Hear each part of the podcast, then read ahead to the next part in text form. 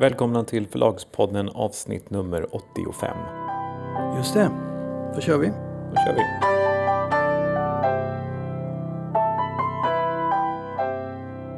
Alltså jag har ju följt den här tv-serien Kärlek och anarki på Netflix som utspelar sig runt ett förlags liv så att säga.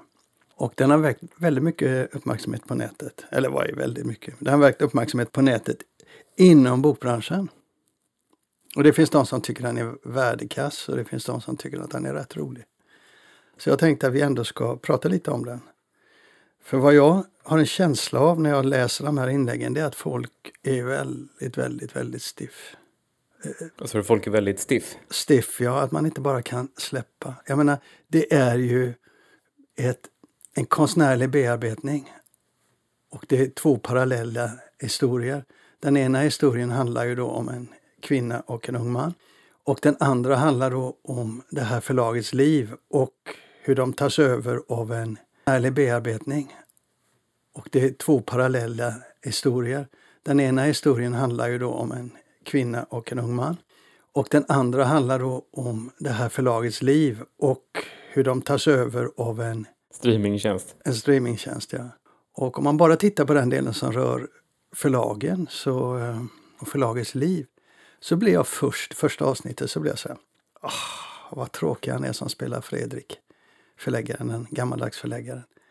Och sen... Reine Brynolfsson, det är ju han som är hela behållningen. Jag väntar, jag kanske bara prata färdigt då. Jag tyckte det. Det går först. så långsamt. Nej, okej. Okay. Men jag tyckte han var, han var väldigt, det var lite tråkigt. Det var, jag tänkte, ska jag se kvar, vidare här? Och sen fortsatte jag. Och den bara växte och växte. Och han växte och växte.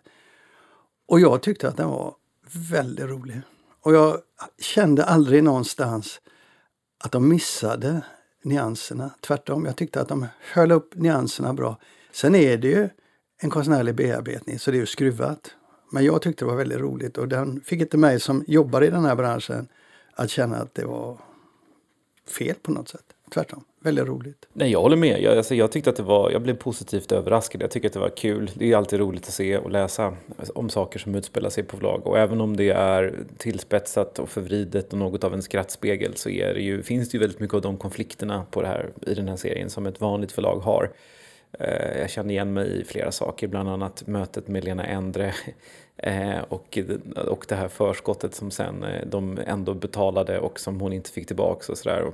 Den här scenen när det står blommor på bordet och, eh, och huvudpersonen kommer in då till Friedrichsförläggaren och frågar så det löste sig med Lena, hon betalade tillbaks förskottet och då svarar han prata inte om det.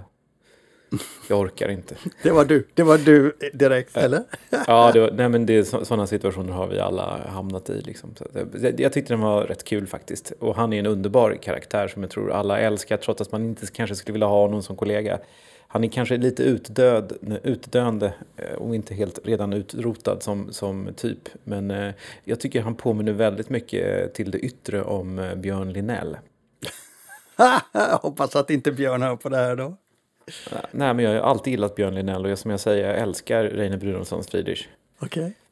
Ja, ja, Annars så, jag hade lite också rädsla när jag började titta på den, för den hette då Lund och Lagerstedt heter förlaget. Eh, Lind och kompani. Det, jag, hopp, jag var lite rädd för att jag skulle själv dyka upp, men det verkar verkligen inte vara en eh, nyckel, eh, nyckelserie så att säga. Det är inte, jag menar det har också spekulerats i vem den här Björn Kjellman spelar då en en förlagschef som, som är en typ som jag tror alla kan känna igen och det finns några sådana i bokbranschen. Men jag, jag, tror inte att hon har några förebilder utan hon har liksom bara valt arketyper. Men det hindrar inte folk i bokbranschen att spekulera i vem det skulle kunna vara? Nej, nej, nej. Sen kan man alltid anmärka på saker som inte stämmer och så där går inte till och så vidare.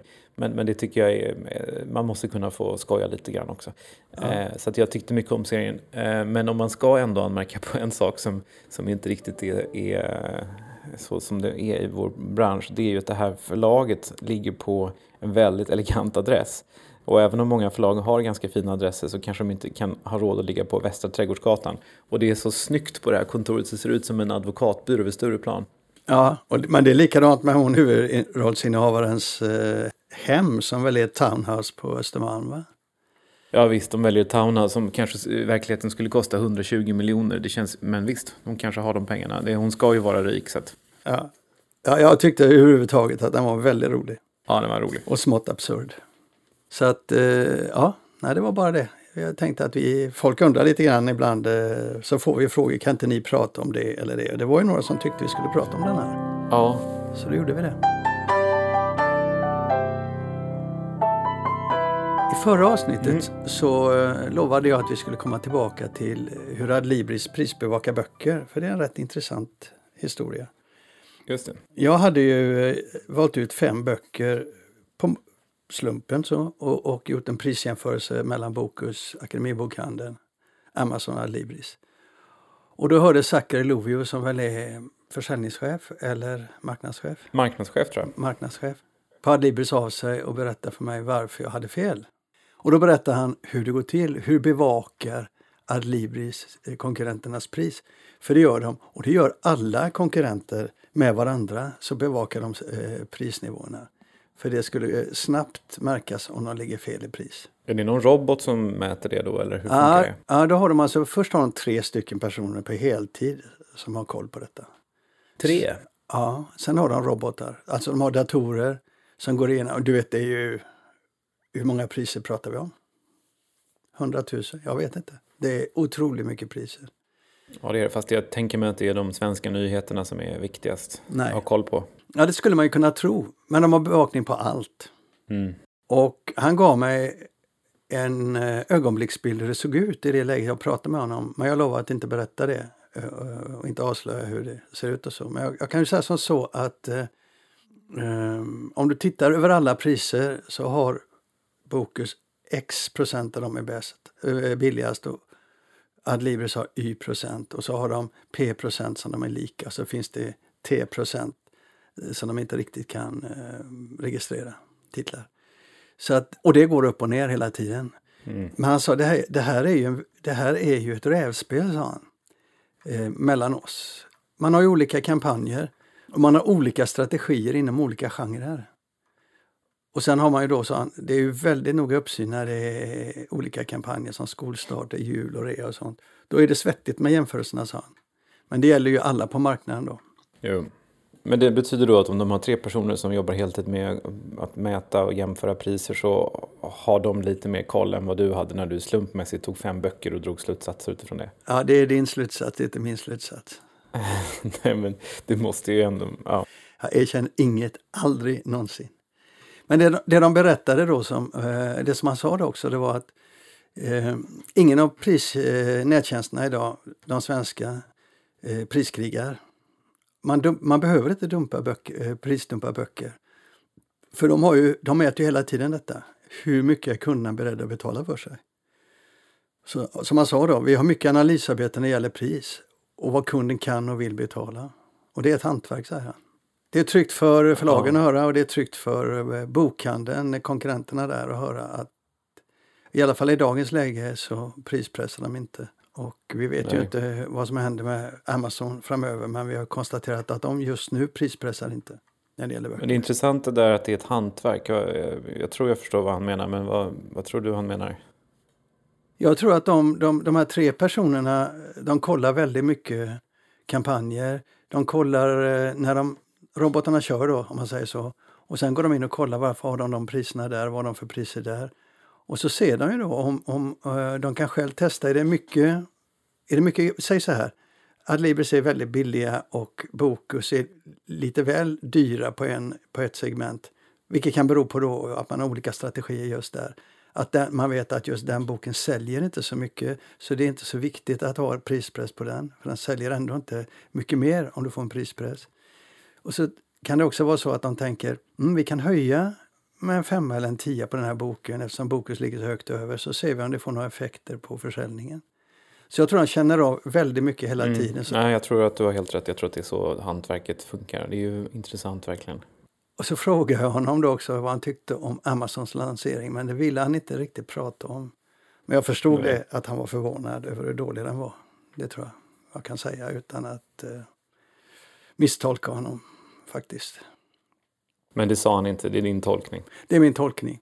Eh, jag tycker den är extremt dålig, jag har ju sagt det. Jag tror det är den sämsta lansering Amazon har gjort i världen, i Sverige. Jag hörde någon som hade, eller den, den har jag väl hört på flera håll, men som menade på att det var ett marknadsföringstrick, att den var så dålig. Och de här översättningarna som eh, det, liksom det blev en massa könsord och, roliga ord. Att det, liksom, det, var näst, det var så dåligt så att det skulle varit medvetet för att de skulle få mycket press.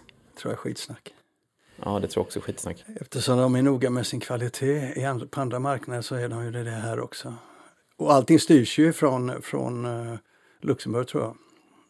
Mm. Uh, och det styrs av människor som inte bor i Sverige och inte kan den svenska marknaden.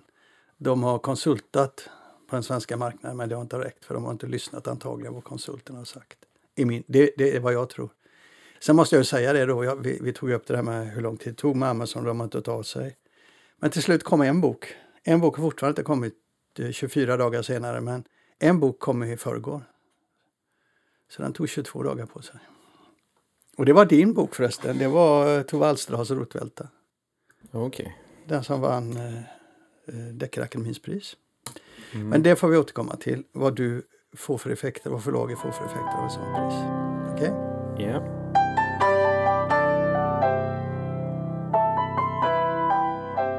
Vi tänkte ta en annan grej också för att den är eh, väldigt aktuell. Den har precis hänt så att säga. Och det är eh, en barnbok av eh, författaren och influensen Margot Dietz.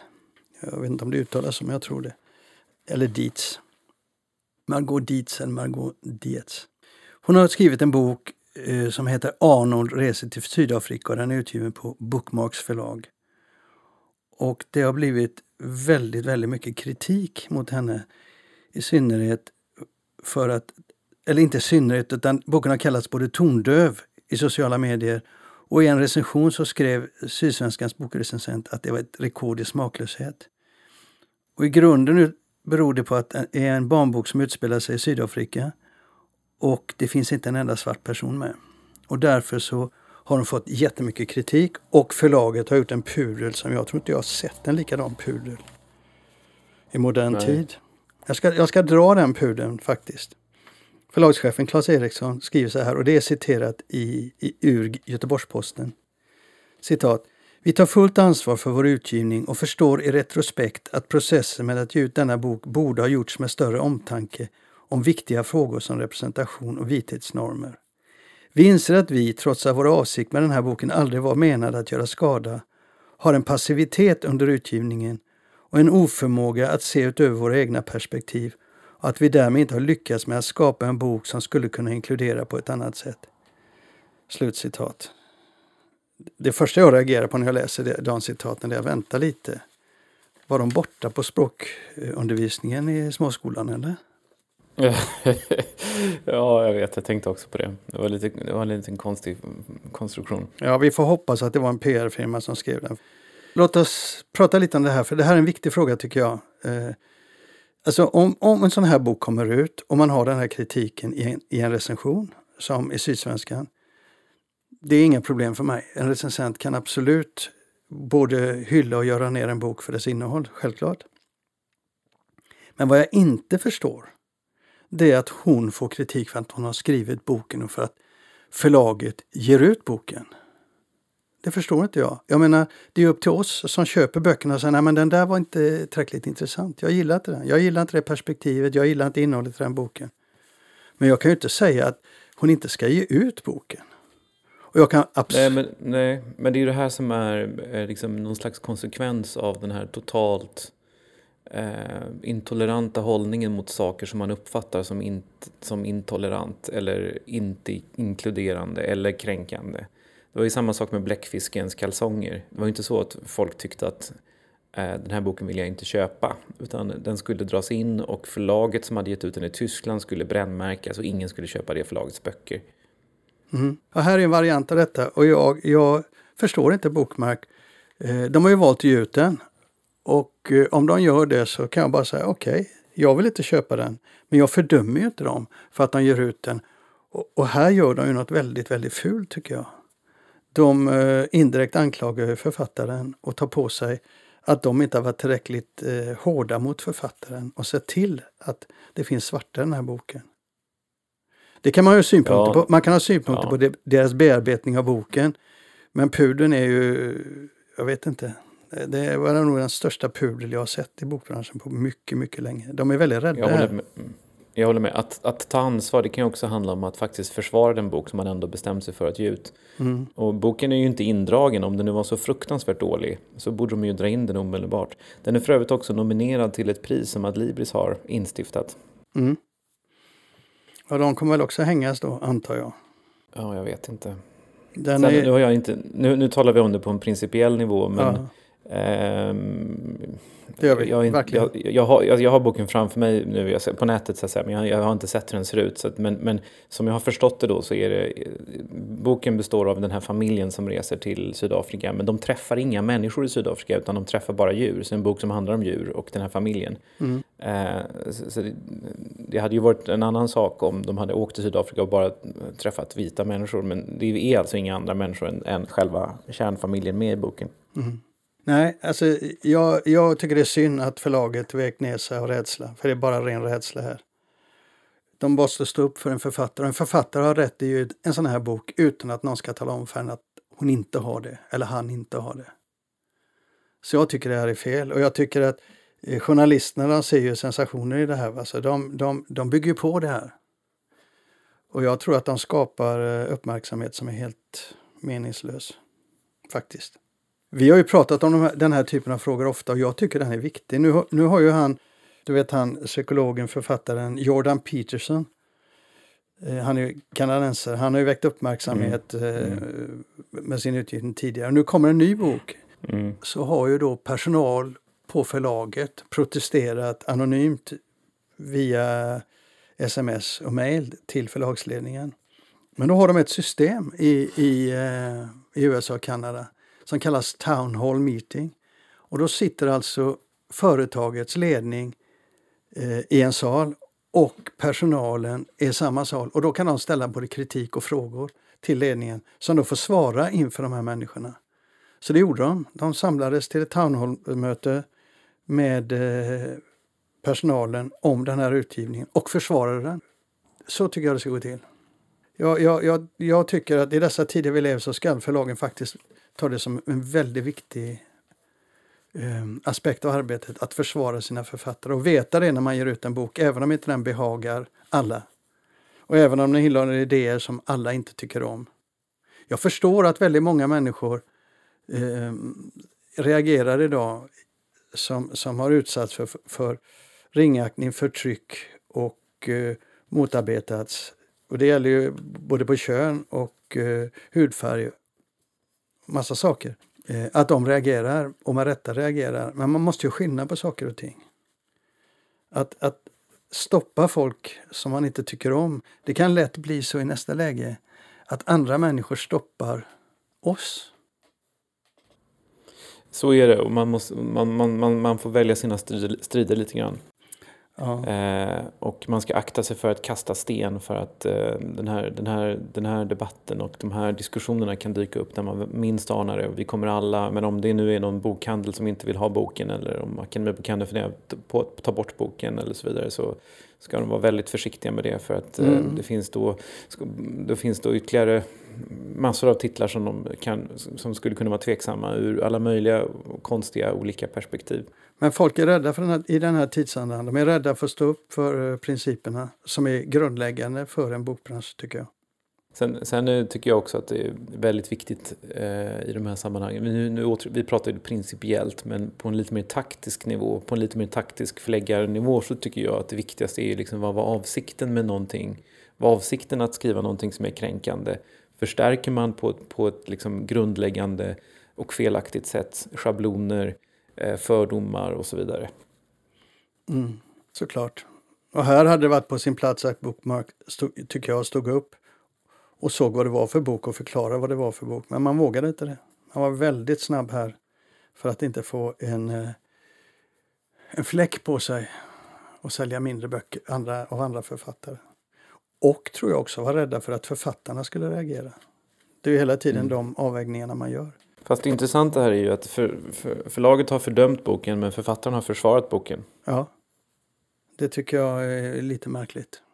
Ja, jag försvarar hennes rätt att ge ut den här boken. Jag har inte läst den, men eh, med utgångspunkt för vad jag vet om boken och för jag vet så, så är det kanske inte en bok för mig. Men jag försvarar författarens rätt att ge ut den. Och jag försvarar förlagens rätt att trycka en sån här bok. Jag är helt enig med dig på den punkten. Ska vi släppa den frågan där? Ja, vi släpper den. När jag eh, spanade lite inför eh, när vi kör igång nu igen så tittade jag internationellt också. Så såg jag en intervju med Bonnier Books eh, i Storbritannien, deras VD. Hon heter Per Mann och har indisk bakgrund. Hon är en av sju kvinnliga ledare på, på en väldigt hög nivå i den brittiska förlagsvärlden som har det de kallar för BAME-bakgrund. Det står för Black, Asian and Minority Ethnic. Står det för. Jag läste en intervju med henne och jag blev väldigt förvånad.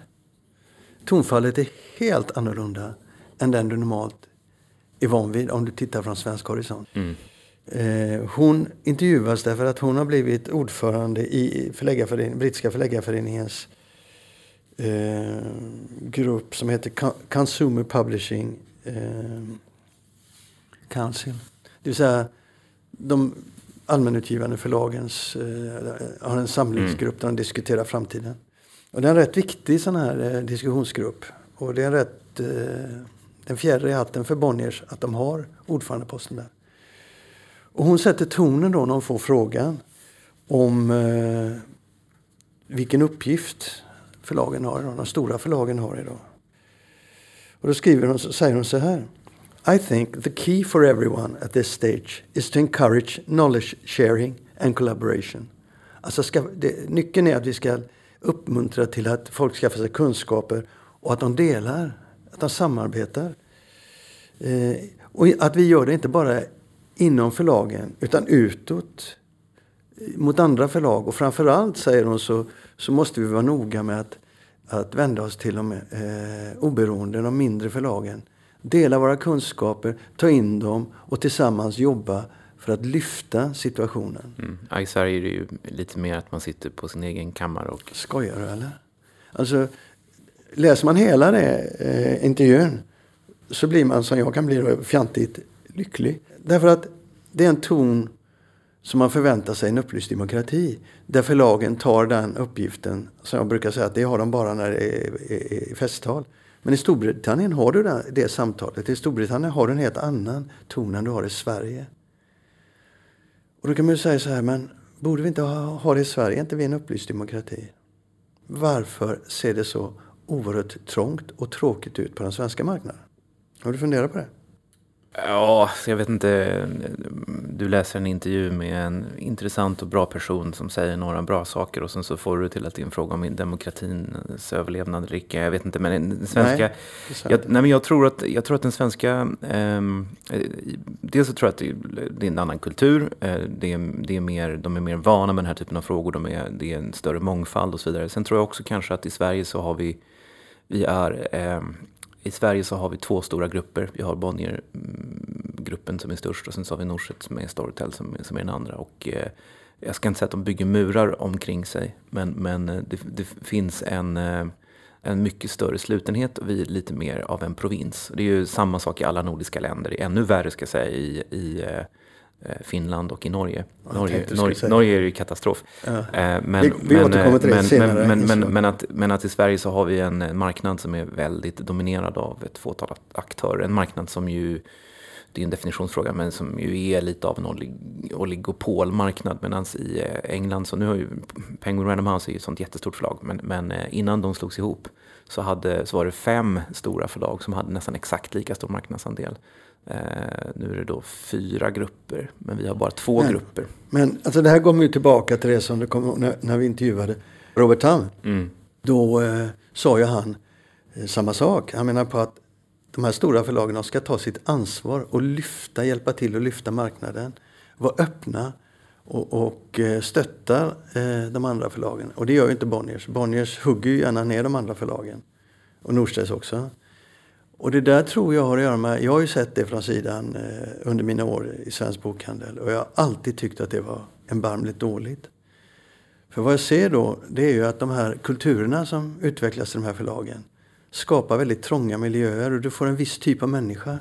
Du får inga vidsynta människor. Det är klart att de finns i de här förlagen. Eh, och det finns ju flera som jag har haft intervjuat här i, i, svensk, eller i, som vi intervjuat i förlagspodden. Som vi intervjuat här i Svensk Bokhandel. Alltså, vi intervjuat ja. i, i förlagspodden. Ja. Som, eh, som har en sån ståndpunkt som jag efterlyser. Men de här, och det tänker jag, de här eh, kulturerna i de här företagen har skapat miljöer som har dragit till sig människor som är trångsynta.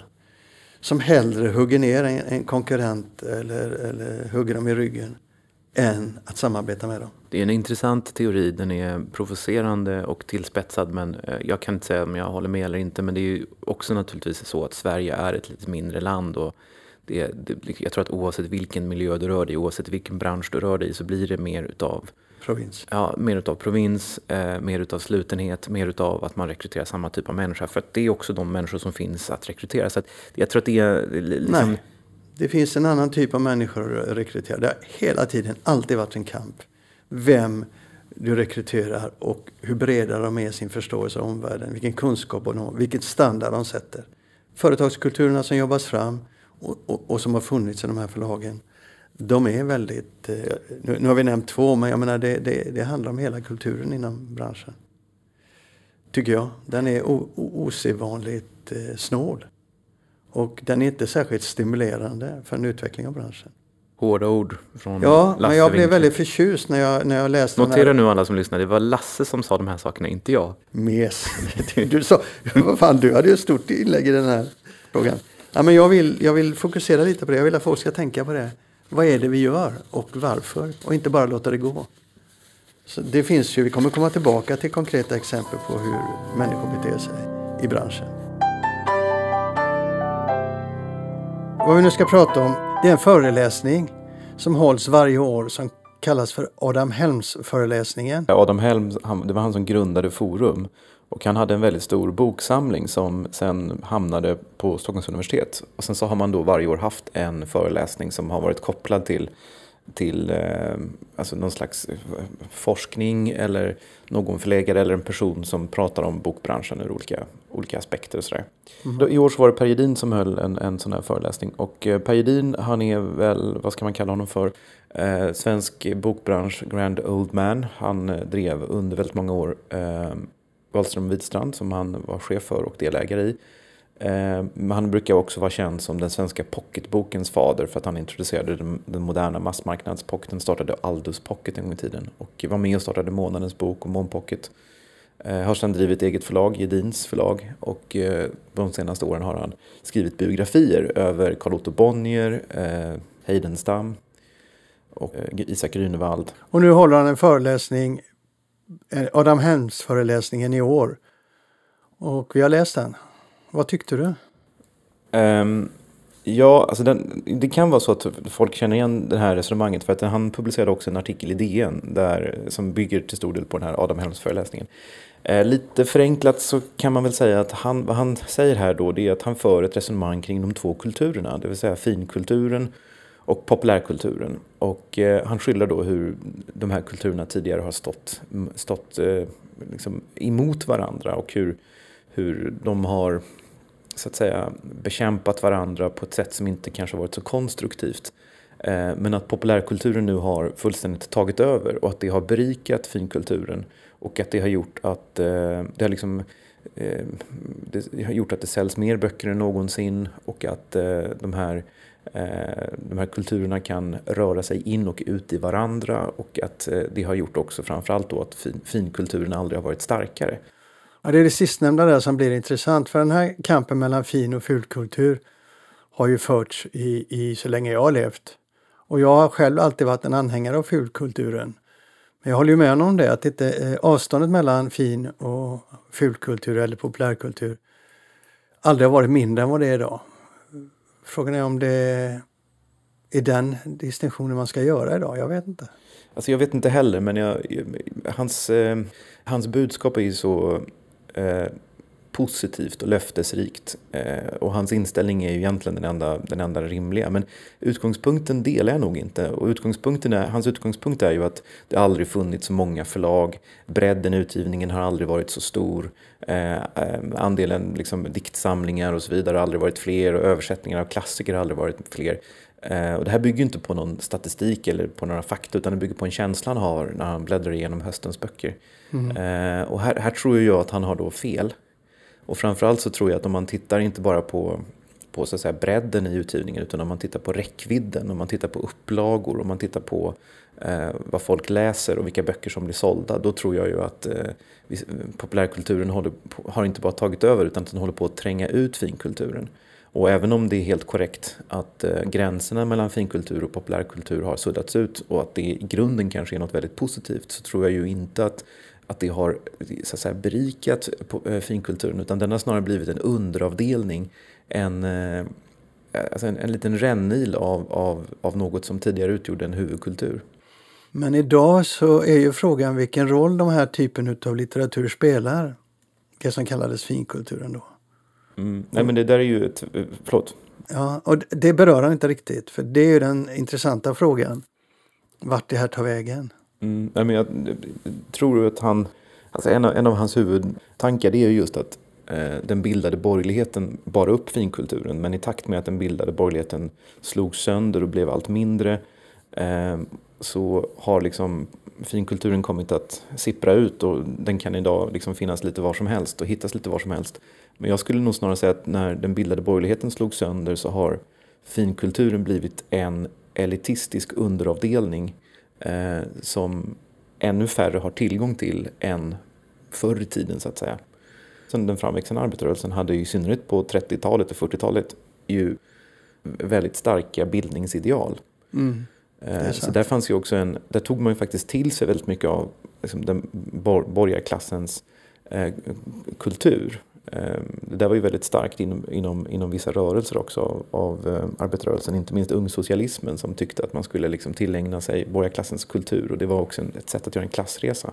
Men när, när allt det där har försvunnit, när bildning inte längre är en nyckel till exempelvis klassresa eller en nyckel till någonting annat så blir ju bildning bara Eh, bildning och finkultur blir bara ett, ett intresse som, som något som annat. Det är just frånvaron av en bärare av det här som gör att liksom den, den, eh, det man då kallar för finkultur har, har, har fått en allt svagare ställning.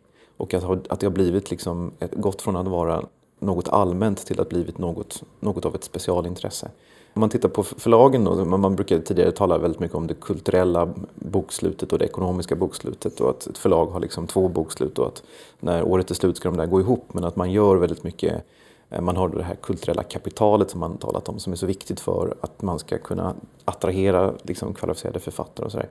Hela det resonemanget är ju inte sönderslaget idag men det är delvis sönderslaget för att förlagen idag eh, kan nästan inte, med vissa undantag, tjäna pengar på det vad man då skulle, Per Edins eh, formulering, kalla för finkultur. Utan idag har nästan finkulturen kommit att bli något som man gör för att upprätthålla sin profil, sin kulturella fernissa. Men det är inte där som de stora pengarna finns. Nej. Inte ens de små pengarna finns. Men Går du tillbaks 20 år i tiden så var det inte så. Utan då, då kunde den här typen av utgivning vara en väldigt viktig del av förlagets ekonomiska eh, aktivitet. Så det är, det är, jag tror att själva utgångspunkten i Per Gedins resonemang är helt felaktig. Det var en sån här text som när den publicerades så blir man väldigt provocerad för att den innehåller, så, den innehåller slående formuleringar eh, och den är så, den är så liksom peppande på något sätt för den är så, den är så positiv. Eh, och den förmedlar ett budskap som är så fint att liksom, det har aldrig varit bättre, det har aldrig kommit ut fler böcker, bredden har aldrig varit större. Eh, folk vill ju höra det men sanningen är ju faktiskt en annan. Du ger ju ut mm. Eh, Simone de Beauvoir, en, en bok i, i vår. Ja, den heter, nu ska vi se här, jag kommer inte ihåg, den heter De oskiljaktiga.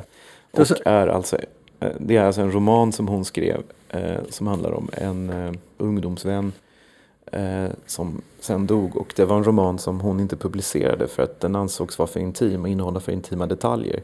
Eh, och Sartre han tyckte inte att hon skulle publicera den. Och därför har den blivit liggande och eh, har liksom så att säga återupptäckts först på, på senare år. Och enligt Kristoffer eh, Leandor så är det, han skrev en understreckare om det i Svenskan för några, några veckor sedan. Han menade på att det här är en av de, liksom, det, är en, det här är en litterär sensation av ett slag som väldigt sällan äger rum.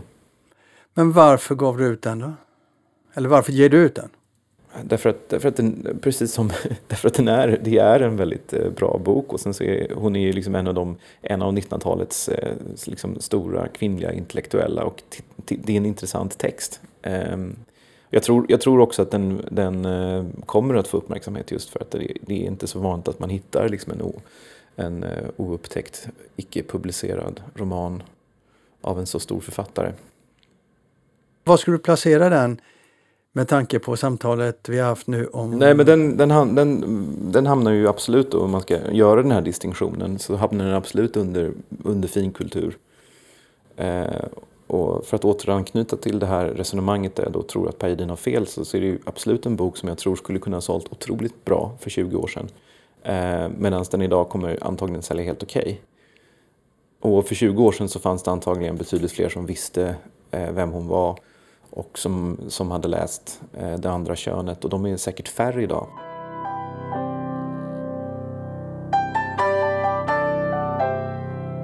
Vi fick ett mejl, eller hur? Ja, eh, det kom ett mejl från Strawberry i Norge som hade lyssnat på Förlagspoddens förra avsnitt där vi talade om Strawberry och Norge och även Sverige. Eh, och de påpekade då att jag hade fel när jag angav deras vinst och deras omsättning. Och det hade jag faktiskt. För den, de siffror som jag eh, angav det var för 2018. Siffrorna för 2019 ska vara att Strawberry i Norge omsatte 129 miljoner norska kronor. Och gjorde en vinst på 17 miljoner. Ett rörelseresultat före skatt och, och avskrivningar på 17 miljoner. Ja, och du, du hade sagt 100 miljoner och 8 miljoner i vinst. Och det var 2000, ja. visade sig vara 2018 då. Okej, okay. är ja, rätt så, så det, rätt ska vara rätt. Sen hade de också synpunkter på eh, det som jag sa om att uppgifterna i pressmeddelandet inte stämde, det vill säga att omsättningen skulle ha byggts upp till 50 miljoner kronor. Ehm, och deras förklaring här är att vi har missuppfattat pressmeddelandet. Att den här formuleringen så som jag uppfattade Eh, var att de vid tidpunkten för försäljningen till Bonnier hade uppnått en, en omsättning på 50 miljoner. Men eh, då hävdade de att det var en prognos som han gjorde och att han syftade på att de under år 2020 skulle kunna uppnå den. Eh, och eh, om så är fallet så faller givetvis också mitt resonemang och min kritik. Eh, vi behöver inte upprätthålla oss mer kring det här men jag tänkte jag ska läsa upp den här formuleringen en gång till och det blir tredje gången som den läses upp i Förlagspodden och sen kan vi lämna det här. Okay. På mindre än ett år har våra anställda byggt upp en förlagsverksamhet som närmar sig 50 miljoner i omsättning och som är på väg mot en fördubbling 2021. Det ska alltså ses som en prognos. Enligt förlaget ja. Strawberry mm. i Norge.